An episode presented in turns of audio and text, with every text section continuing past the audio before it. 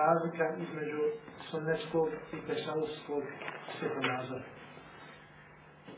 Cilj ovoga predavanja nije da se na nekoga atakuje, nego da se raspozna istina od neistine, da se spozna onaj pravac koji je zasnovan na Allahove knjizi i sunnetu poslanika ali i Da se spozna onaj pravac za kojeg je poslanik ali i rekao, ja vam ostavljam dvije stvari.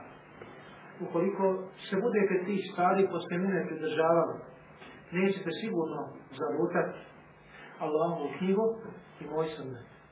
Ostavljam Allahovu knjigu i moj sunnet i oni se neće razlići sve dok meni ne dođe na halda. To jeste nema razilaženja između Allahove knjige i sunneta i Nema razilaženja između Kur'ana i prakse poslanika Znači govorimo o profiliranju duše, kako očistiti dušu. Najprije ćemo utemeljiti čišćenje duše kroz prizmu Kur'ana i Šta to kaže Kur'an i šta to kaže sunne? Šta kaže poslanika alaih sallatu wasalam o čišćenju duše? Kaže Allah subhanahu wa ta'ala ومن تزكى فإنما يتزكى لنفسه وإلى الله المصير i onaj ko se čisti on se čisti sam za sebe Allah subhanahu wa ta'ala nije potrebno njegovo čišćenje a konačan povratak i ishod jeste kod Allaha subhanahu wa ta'ala i kaže Allah subhanahu wa ta'ala kad esreha men zekaha wa kad habu men desaha uspio je onaj koji očisti svoju dušu a propao je onaj koji zaprlja svoju dušu. Najprije se Allah subhanahu wa ta'ala kune dušom pa kaže o nefsi u Tako mi duše i onoga koji je stvorio. Uistinu je propao onaj koji zaprlja dušu, a uspio je onaj koji očisti svoju dušu. Zatim, kaže Allah subhanahu wa ta'ala وَلَوْلَا فَضْلُ اللَّهِ عَلَيْكُمْ وَرَحْمَتُهُ razlika minkum min ahadu, walakin Allah yuzaki men yasha. Da nije Allahove počasti blagodati prema vama i da nije Allahove milosti, niko se od vas ne bi očistio. To jeste ne bi očistio svoju dušu, ne bi se isprofilirao. Ali Allah čisti koga on hoće.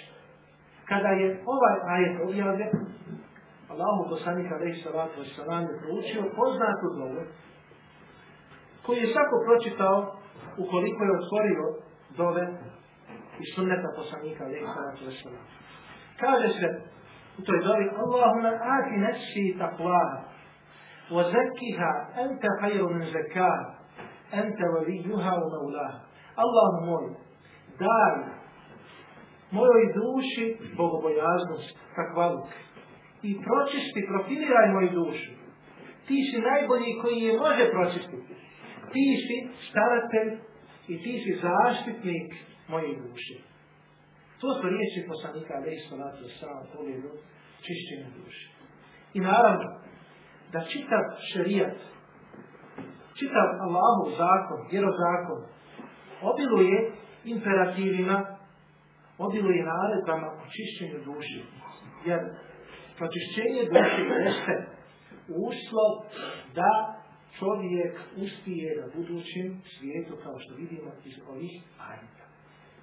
Ko bude čiste duše, koja ne bude pomješana sa griješima i sa idolopoklonstvom, sa širkom, taj će doći pred Allah subhanahu wa ta'ala i njegov račun će biti lag. Ako zaprija svoju dušu, onda će njegov račun ili polaganje računa biti teško i sigurno da će biti od onih koji su propali.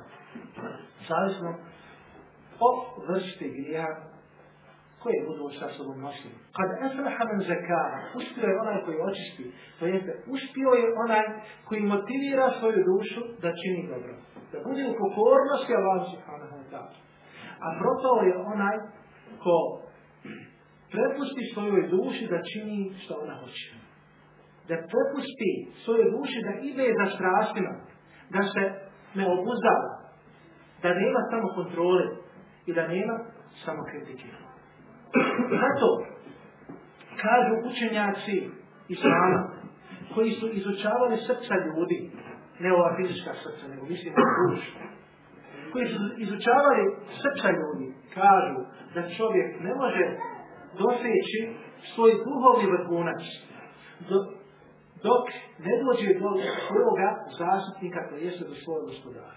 Srca ne mogu, to jeste čovjek ne može doći sa svojim srcem do duhovnoga vrhunca, dok ne dođe do svoje gospodara. A neće doći do svoga gospodara, osim ukoliko njegovo srce bude u potpunosti čisto, besprekorno. Inna Allahe tajibun, la jakobelu illa tajiba. Allah je lijep i prima samo ono što je lijepo. I kada se čovjek pročisti, kada se profilira, onda osjeća ushićenje i osjeća bliskost, bliskost Allahu subhanahu wa ta'ala. Za razliku od onih koji zaprljaju svoju dušu svojim griješima. Zaprljaju svoju dušu nepokornostima Allahu subhanahu wa ta'ala. I takvi se sve više i više udaljavaju od Allaha subhanahu wa ta'ala shodba veličini njihovih grijeha. Na prvom mjestu tu je širk, ako se nađe kod čovjeka širk, to jeste poklonstvo, da se Allahom pripisuje drug, on je najudaljeniji od Allaha subhanahu wa ta'ala. I kada čovjek zapadne u grijehe, kada nečisti svoju dušu, on osjeća, kao što kažu učenjaci srca, osjeća jednu veliku usamljenost osjeća jedno veliko beznađe između sebe i svoje gospodara. Nije više osjećaja za Allahu subhanahu wa ta'ala. Zatim osjeća usamljenost, jednu veliku prazninu, jedan veliki vaku između sebe i ostalih Allahovih robova. I nemoguće je ničim nadoknaditi ono što je prije imao, prije nego što je činio grijeh. Nemoguće je to čina dokaz. Pa čak kažu učenjači, kada bi mu da bio čitav dunjavu i sve što je na dunjalog. Nemoguće je da doživi tu ushićenost nakon te usamljenosti i nakon toga bezmađa.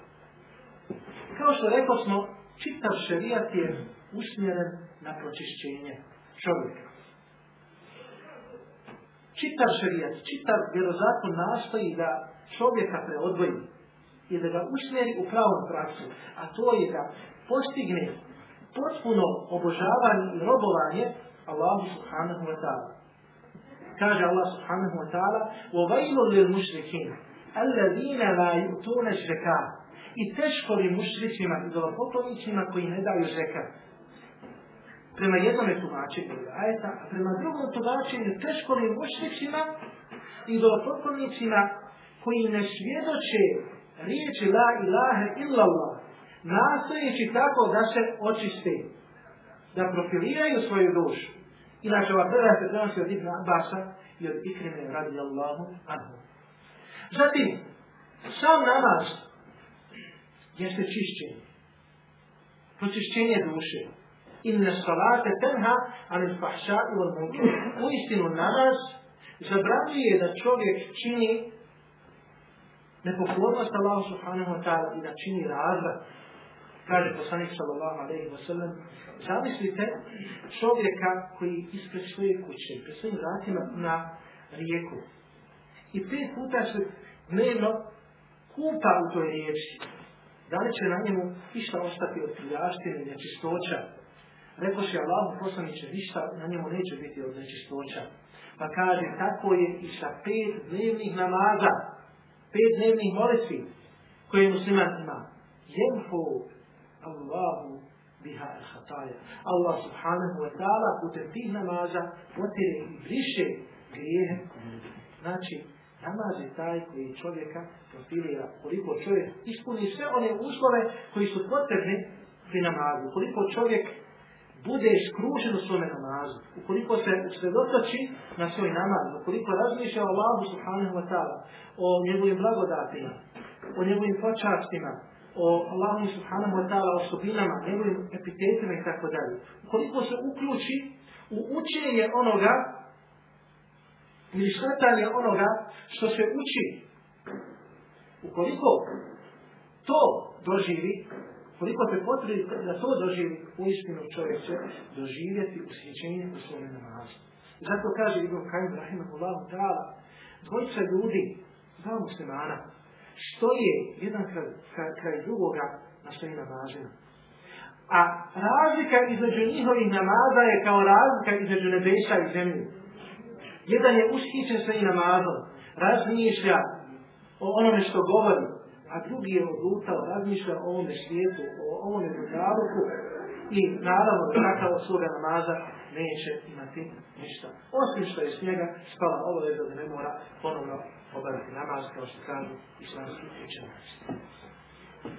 Islam nastoji također da profilira čovjeka na različite načine da se čovjek očisti. Ehli sunnet u oni koji slijede sunnetu, i slijede zajednicu muslimana. Ima je nekoliko načina, načina čišćenja duše. Prvi način jeste posjedovanje na vjerovanje. Vjerovanje koje je zasnovano na principima Allahove knjige i praksi poslanika Ali salatu Time se najprije čist, čisti duša. Zatim, drugo, da izvršavaju ono što je naređeno i da izbjegavaju ono što je Ti Time se čisti duša. Da izvršavaš ono što je Allah subhanahu wa ta'ala naredio, a da izbjegavaš ono što je zabrano. Zatim, da izvršavaš na file, odnosno dobrovoljna djela nakon što izvršavaš obavezna djela i nakon što si se sačuvao od onih djela koja su zabranjena u islamu. Sve se to vidi iz jednog hadisa. I uistinu, ako muslima po različitim, o ovoga hadisa, taj hadis ispunjava njegove horizonte. Taj hadis kada bi se isčitavao hiljadu puta čovjeku nije vjerujte dovoljno. Ako hoće pomoć, da prati njemu značenje. Hadis je hadis i kući, znači Poslanik sallallahu alejhi ve sellem prenosi riječi svog gospodara Allaha subhanahu wa ta'ala. Kaže Allah subhanahu wa ta'ala Men aada li valijem se kad azentu bil muhamed. Ona ko se bori protiv moga štićenika, protiv moga roba, muslimana, ko se bori, ja mu najavljim rat. Ili u drugom prijevodu ja ga na bodu. Moji se rob neće ničim dražim približiti nego što je ono što sam ja naredio ničim se dražim neće bližiti, osim onim što sam mu ja naredio, što sam mu naredio, postavio obligativno, što sam mu uputio kao imperativ. A to je paš. I neprestano će se meni, moj rob, kaže Allah subhanahu wa ta'ala, približavati dobrovoljnim djelima, poštije ovih obaveznih dijela, sve dok ga ja ne zavolim. Dakle, Allah subhanahu wa ta'ala zavoli svoga sve dok ga ja ne zavodim, Na sile. Mimo onih obaveza. Dobrovoljna djela, mimo obaveznih djela. Sve dok ga ja ne zavodim. A kada ga ja zavodim, kaže Allah subhanahu wa ta'ala, onda postane njegov vid kojim gleda, njegov sluh kojim sluša, njegova ruka kojom dohvata, njegova noga kojom kroči, kojom voda. Pa ako me bude za nešto pitao, ja ću sigurno to dati. Ako bude od mene tražio utočišta, ja ću mu sigurno to utočište pružiti. Kaže Allah subhanahu wa ta'ala na kraju hadisa, hadis se prenosi u zbirci sahihu Buhari. Oma teretetu an še'in ene fa'ilu terebudi an nefsi mu'min. Jekrahu laukahu akrahu nasa'ata. Nije oko čega se više nisam dvomio. Nije oko čega više nisam dvomio. A nije dozvoljeno, nije moguće se Allah subhanahu wa ta'ala dvomi, nego za ovo je potrebno malo duže pojašnjenje, nećemo večeras u to zalaziti, a, to je u prenesenom značinu. Iako svega čega više nisam dvomio kao što sam se volio oko duše vjernika. Vjernik prezire smrt, a ja prezirem da mu načinim zlo. Dajte milosti i samilosti Allah subhanahu wa ta'ala prema njegovome robu. Pogledajte kako Allah subhanahu wa ta'ala podiže svoga roba. Pogledajte kako se rob čisti, kako profilira svoju dušu. Najprije pažarima, a onda dobrovoljnim djelima da bi doživio taj vrhunac.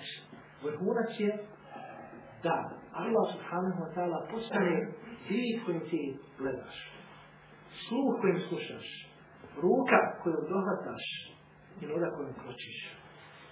Daleko smo od onoga da kažemo da se Allah subhanahu wa ta'ala usjelovi čovjeku div ili u njegovu ruku ili u njegovu nogu. Ne.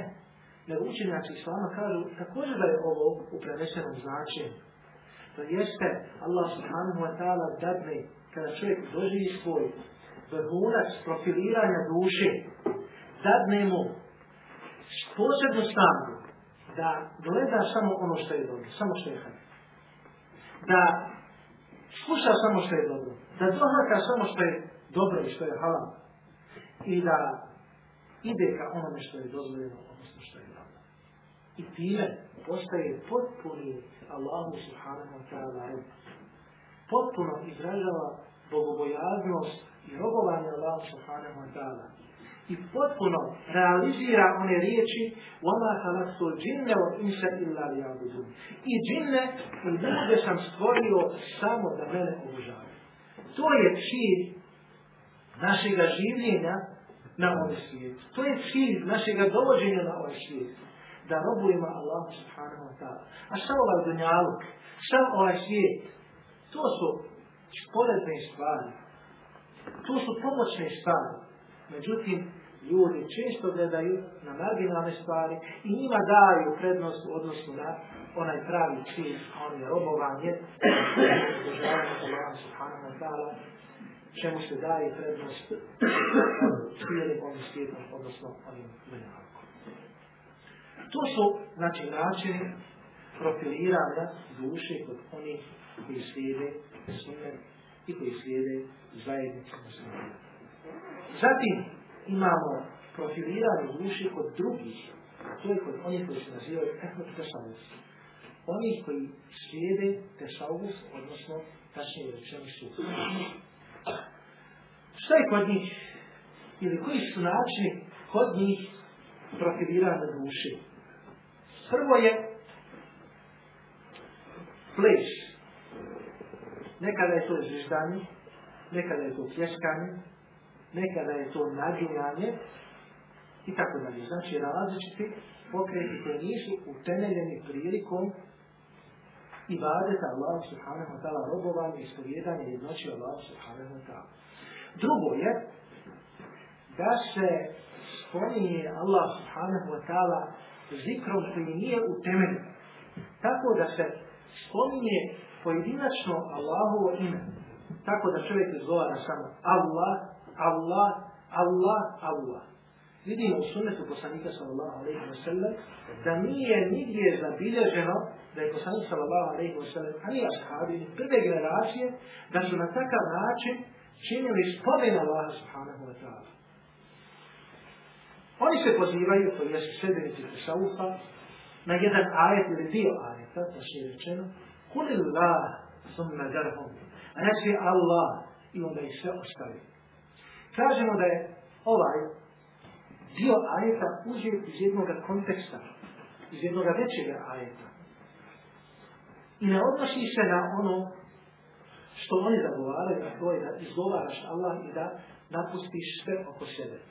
Naime, kaže Allah subhanahu wa ta'ala وَمَا قَدَرُ اللَّهَ حَقَّ قَدْرِهِ إِذْ قَالُوا مَا أَنْزَلَ اللَّهُ عَلَى بَشَرٍ مِنْ Oni nisu istinski spoznali Allah onako kako ga treba spoznati, kada su rekli Allah nije objavio ljudima ili čovjeku ništa. Kul, men enzele al-kitab ljudi džabihi Musa nuran wa Reci, Reći ko je objavio knjigu s kojom je došao Musa kao svjetlost i kao uputu. Reći ko je objavio tu knjigu. Recite ko je objavio tu knjigu. Pa Kaže Allah subhanahu wa ta'ala u nastavku وَأُلِّمْتُمْ مَا لَمْ تَعْلَمُوا أَنْتُمْ وَلَا آبَاؤُكُمْ I vi ste podučeni onome što niste znali ni vi sami, ni vaši preci.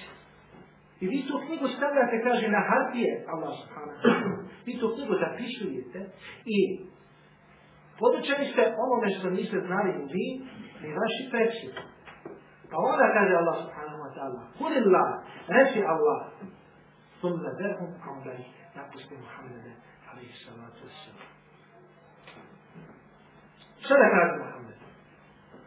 Šta je trebalo da kaže? Allah? reče Allah. A šta je Allah? U e, kontekstu. Naša što se odnose ove riječi? Ko će reći? On objavio knjigu. on je objavio knjigu koja je, znači, data Musa, alaihi salamu, kao svjetlost i kao Znači, vidimo iz konteksta ajeta se ovaj ajet dio ajeta koji je ne može uzeti u svrhu argumentaciji ili svjedočenja da se izgovara pojedinačno ime Allah, Allah, Allah i da se na takav način zikri Allah subhanahu wa ta'ala. Zatim druga riječ, to je se an ismul mudnar, to jeste lična zamjenica u hrvatskom jeziku, hu, ona označava on. Također nema utemeljenja u Allahu i knjizi sunnati poslanika sallallahu alaihi wa sallam na način da se pojedinačno izgovara ovaj riječ i da se čini spomen Allah subhanahu wa ta'ala zikr koji je naređen, kao da se govara u, u, u i tako dalje. Zato nema potvrde. Zatim ide se dalje, pa se kaže la hu hu lahu hu illa hu. nema njega osim njega. Time se želi ukazati na jednu stvar koja se naziva vahdetu lužu. To jeste da nema drugoga ničega osim Allah subhanahu wa ta'ala. Da je svijet ovaj sjedinjen s Bogom. Da je svijet sjedinjen s Bogom. Da sve što vidimo oko sebe da je Bog. Na svakom mjestu je Bog. To je tako uvjerenje. Oni koji se nazivaju ehlul tihar oni koji vjeruju da je svijet sjedinjen s Bogom. Naravno da je ovo panteističko uvjerenje i da ono nema osnovi u islamu i oni koji su zagovarali ovo uvjerenje, a pripisivali su sve islamu su od strane vrhunskih učenjaka proglašeni odmetnicima od islama. Kao što su bili Ibn Arabi, kao što je bio Ibn kao što je bio Ibn Farid i drugi. Ona ko zagovara Znači, vahdetul vujud, panteizam, izlazi iz islama. Osim ukoliko ne zna detalje ovoga, pa se nad njim nije uspostavio dokaz, odnosno argument, a pripisuje se islamu, odnosno pripisuje se sredbenicima kible. Potom, drugi način njihovog približavanja Allah subhanahu wa ta'ala je sljedeći način jeste da se približavaju ostavljanjem onoga što je Allah subhanahu wa ta'ala dozvolio od hrane i piće. To jeste kako mi čistimo svoju dušu tako što ćemo ostaviti ono što nam je dozvoljeno. Ono što nam je dozvoljeno. Pa često ostavljaju, a to se posebno dešavalo u generacijama. Nije toliko da nas Kao u doba imama al i ostalih sufija, odnosno švedbenika poslanica. To se dešava, da su ljudi jednostavno dolazili na stepen posebnog isposništva, odnosno monaštva, što je u islamu zabravno. La rehbanijete se u islamu, kaže poslanik sallallahu alaihi wa sallam, da monaštva u islamu. Monaštva u smislu da čovjek ostavi brak i da ostavi želju, to jeste da uđe u riba. Pa kaže, neće se ženiti, da bi se više tako profilirao svojom dušom i da bi bilo bliži Bogu, Allah subhanahu wa ta'ala. Kaže Allah subhanahu wa ta'ala, وَلَهْبَانِيَةً اِبْتَدَعُوهَا I oni su, kaže, monaštvo izmislili. Mi odnosno mi njima nismo propisali to monaštvo. Kaže poslanik sallallahu alejhi ve sellem: "Tanakihu, Vi se ženite pa ćete imati svoje potomke, vi ćete prodržavati na takav način svoju ljudsku vrstu. I kaže poslanik sallallahu alejhi ve sellem: "Nikah mi sunneti." Nikah, brak je od mura sunneta. Ako ko ostavi brak i ko ostavi moj sunnet, on nije od mene. On nije od mene. Jeste, nije u potpunosti usaglasio svoja djela sa sunnetom poslanika, alaihi salatu wa sallam. Zatim, hadis koji svi gotovo poznaju. Da je poslanik sallallahu alaihi wa sallam jednog dana rekao: O fi ahadikum sadaka Kada prilazite svojim suprogama, spolni odnos imate, imate za to nagradu. Pa su se ashabi malo postidili. Jedan je upitao, Allahu poslaniće, zar kada neko udovoljava svojoj strasti, prilazi svojoj ženi, zato ima nagradu. To je strah Allahov poslanića. Pa kaže poslanik sallallahu alejhi ve sellem postavlja drugo logično pitanje. A šta mislite kada bi upraznio i udovoljio svojoj strasti na zabranjen način? To jeste grubo. Da li bi bio zato kažnjen i da li bi zato snosio teret? Pa rekao će Allahom poslaniće svakako. Onda kaže, kada neko to uradi na dobar način, to jeste kada je u braku, onda zato ima nagradu. Zato ima nagradu. To je znači ranganije, odnosno ono što to su u kod sredbenika Tesalusa. Oni su prihvatili djelomično i u potpunosti neke od ovih razloga. A ti svjetonazori uglavnom dolaze od Hindusa i dolaze uglavnom od kršćana, odnosno njihovih monaha. Potom, primjetno je, također, i postoji razlika i razilaženje među učenjačina, odakle dolazi riječ sufizam. Neki kažu da je to riječ Sofija, što znači ljubav prema mudrosti, Sofija. Neki kažu da je to Sus, da je to bun. Kada već govorimo o buni, Sljedeći ufa, većina mi smatra da ova riječ dolazi upravo od vun, zato što je oblačenje vunene odjeće jedan vid ispostništva i prikazivanja pred ljudima da su askete. Poznato je da poslanika sallallahu alejhi ve sellem da je oblačio vunenu odjeću. Ali je oblačio i pamučnu odjeću i oblačio je različite vrste tkanja. Tako da se ne može reći da je samo nosio odjeća. U šarenom kruhu ta e, bunena odjeća malo drugačije izgleda, prije je izgledala e, mnogo siromašniju, odnosno danas, danas se odlaču žene sa, znači ono su uglavnom odlače se koji su i tako dalje. Znači, prikazuje se da su određeni ljudi od odnosno sredbenika, Poznato je također za poslanika sallallahu alaihi wa sam da je jedan put obukao, kao što se navodi u Bosna Hadisu, punenu odjeću, pa se ta punena odjeća malo čula, odnosno imala je neugodan miris, pa je poslanik sallallahu alaihi wa sallam odbacio tu punenu odjeću. Vi znate da se a, ovača ili kostit Mm. možda može čuti i da može imati neugodan miris. Poznato znači poslanje sa Allahom i Islam da je prilikom odbacio takvu odjeću. Zatim, još jedna od stvari koja se može naći jeste da postoji određeni ciljevi dolaska i protivirane duše, to jeste dolaska do toga vrhunca Ehli sunnet, sredin sunneta imaju svoj šir, krajnji, a i ehli tisavuf, sredin tisavufa imaju svoj krajnji čin dolaska do svoga vrhunca. Na koji način? Krajnji čin, kao što smo rekli, od srednika sunneta jeste da se ostali i realizira potpuno robovanje Allah subhanahu wa ta'ala. Potpuno obožavanje Allah subhanahu wa ta'ala tako da u tom robovanju ne bude nikakvih manjkavosti. Da čovjek doživi vrhuna, da doživi usličenje, kao što je navedeno u hadisu Allahu poslanika sallallahu alejhi ve sellem, koji prenosi da Allah subhanahu wa ta'ala da se čovjek ne može reći dražim Allah subhanahu wa ta'ala približiti osim onim što mu je on naredio po pa zatim na filama i na takav način da Allah subhanahu wa ta'ala zavodi. Mi kažemo da to, taj vrhunac i taj vrhunac se ne može prići. Nema drugog vrhunca iznad svog vrhovnika.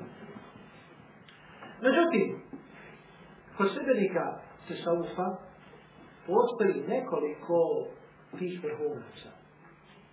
Profiliranja duše. Znači u osnovi profiliranje duši nije isto kod jedne i druge skupine. A također ne ishodi, odnosno rezultati i vrhunač ili vrhunači do kojih se želi doći nisu Rekli smo sve šesto kod Emišlja. Redet šaufa, prvo do čega se dolazi u prvi vrhunac, znači, prvi čin jeste el mukašefe ili keš, otkrovenje. Da čovjek doživi otkrovenje. Kaže imam da zvali, prije nego što se pokajao, a poznato je da se pokajao, i da je umro sa knjigom Buhari na svojim pršima u rodnom gradu Tusu, nakon što je ostavio najprije filozofiju, pa je onda ostavio tasavuf i povratio se se pođeva. Kaže nam Razari, prije znači nego što se pokajao, da čovjek ovim profiliranjem dostiže jedan vrhunac, a to je keš. Doživljava oprovinje. Pa kaže, putem toga oprovinja vidi kako je Melek donosio objavu vjerovjesnicima. Kako im je ta objava dostavljena, i vidi znači ono što je za ljude nevidljivi svijet. Za ljude ono što je metafizika, kako kažu. Znači, čovjek vidi više nego što može vidi običan čovjek, običan musliman koji se nije popio na ta stepen kešpa kako ga oni zagovaraju. Drugi cilj profiliranje duše sami samih sredbenika Tešavusa jeste kal ilmul ledni. Znanje koje se naziva ledunsko znanje. Ledunsko znanje. Kako je to znanje? Možda mnogi prvi koji To je znanje koje se kaže dobiva direktno od Allah subhanahu wa ta'ala. Vjerovjesnici i poslanici su bili posrednici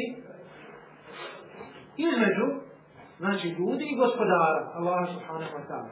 Pa Allah subhanahu wa ta'ala poslao mnoge poslanike, između ostalog poslao je Musa, ali i sve koji je donio knjigu, samome svome narodu, i pojasnio naši propise, pojasnio svjetlost i uputu, kako je rečeno. Međutim, kod sredbenika tešavstva kažu postoji ilham, ilham, a to je nadahnuće. Putem nadahnuća dobivaju to znanje direktno od Allaha subhanahu wa ta'ala. Naravno, zašto nema uporišta. To nema uporišta ni u Allahom knjizi, ni su nekog poslanika, ali su I ti se želi reći da je to znanje na većem stepenu nego što je znanje koje se dobiva od poslanika ili vjerovjesnika. I za ovo uzmem jedan svoj neispravni dokaz. Naime, u suri Al-Kef, a svi čitamo suri Al-Kef, postoji jedan od priča o Musa a.s. i Hiru a.s. Kada je Musa a.s. rekao da nema znanijeg čovjeka od njega. I onda priča ide Allah subhanahu ta'ala šalje Musa a.s. da nađe najznanijeg čovjeka. I on putem različitih povoda i uzroka dolazi do Hidra a.s. I kaže Allah subhanahu wa ta'ala وَآتَيْنَاهُ min ledunna ilma, I mi smo njemu od nas min ledunna dali znanje. I to je to znanje koje god nazivaju ilmu ledunni. To je znanje koje se dobiva direktno od Allah subhanahu wa ta'ala prema njihovim tvrdnjama. Treba onome nekako od srde da postoji znanje koje se dobiva direktno od Allah subhanahu wa ta'ala za razliku od znanja koje su dobivali poslanici i vjerovjesnici koje je prenešeno običnim ljudima. Čet, odnosno treći e, čin ili vrhunac profiliranja rušnje kod sredbenika tešaufa jeste da dođe do izbjegavanja teklifa, odnosno zaduženja. Kada čovjek znači dođe do određenog stepena, kada isprofilira svoju dušu, kada uči određene djetove, kada se posvijeti učenje ovih riječi Allah, Allah, hu, hu, la, Hu, illa, hu, i tako dalje. I kada to godinama uporno nastoji da stekne, da stekne taj stepen, onda kažu, kada dođe na izvjesnu stepenicu, koji određuje naravno šejih, onda sa čovjeka spada dužnost, čovjek nije više dužan, nego da, naravno što je neispravno. Navodimo znači samo primjer da bi ukazali i da bi se razjasnilo ispravni put od neispravnog puta. Jer često se ponavljaju, govori, govori al ilmu znam, ćeš ono, I ljudi bivaju odmavljeni time. Misli da je to nekakav vrhunac i vlade. U stvari je Vrhunac i vlade, kao što smo rekli, jeste da Allah subhanahu wa ta'ala zavoli svoga roba i da čovjek na ovom svijetu čini samo dobro.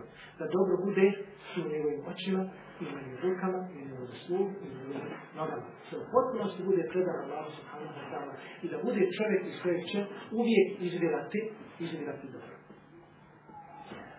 Zatim, četvrti vrhunac do kojeg se dolazi kod sljedevnika Tešalusa putem njihovog profiliranja duši jeste Arsena Fila. I ovo je možda najopasnije. A to je utapanje u Allaha subhanahu wa ta'ala. Odnosno, da se čovjek sjedini sa Allahom subhanahu wa ta'ala i da postane jednog da uđe u Allahu subhanahu wa ta'ala neće. Neka je Allah subhanahu wa ta'ala to da uzvišen, neka je Allah subhanahu wa ta'ala uzvišen od onoga što govori, od onoga što oni Jeste da se čovjekova bit i egzistencija, kako kažu, spoji sa Božijim, Božijom biti i njegovom egzistencijom. I tako se jedno u utopija. Na takav način, u takvim okolnostima sa čovjeka spadaju ove islamske dužnosti čovjek sa stepena šerijata prelazi na stepen hakika, na stepen stvarnosti. Kada dođe na taj stepen, onda prema njihovim sudjama sa njega spadaju zaduženja, i islama. Naravno smo tretirali ovu temu iz nekoliko razloga. Jedan od tih razloga jeste što se u posljednje vrijeme uvelike protura da su ehlu tešavusa, sredbenici tešavusa, sufije, oni koji su istinski spoznali šta je Dunbaha. Koji su istinski spoznali šta je to dola. Koji su istinski spoznali kako doći do Allaha subhanahu wa Kako doći do poslanika alaih sallatu wa Kako steći ljubav od Allah subhanahu wa ta'ala i poslanika alaih sallatu wa I naravno kroz sve ove tačke ili kroz sve ove ciljeve koje su oni postavili. Mi smo dostavili, mi smo rekli, ono što je Allah u knjiži sunnetu poslanika sallallahu alaihi wa to smo dužni slijediti. Za nas postoji samo Allahov šarijat, Allahov vjerozakon, i za to vjerozakona za nas ne postoji Čovjek se može uspinjati duhom, može se približavati Allahu subhanahu wa ta'ala. I Allah subhanahu wa ta'ala zna gdje su granice toga. Ali da donosimo nekakve tvrdnje, da zagovaramo nešto što nema u Allahove knjezi i sunnetu poslanika sa Allahom ali i trebamo biti najbolji od toga. Neka nas Allah subhanahu wa ta'ala sačuva toga. Molimo Allah subhanahu wa ta'ala da nas uputi. Molimo Allah subhanahu wa ta'ala da nam dadne razgovor i tost u našim postupcima. Molimo Allah subhanahu wa ta'ala da nam pokaže šta je to srednji put. Hvala što je da vana. Hvala što je da vana.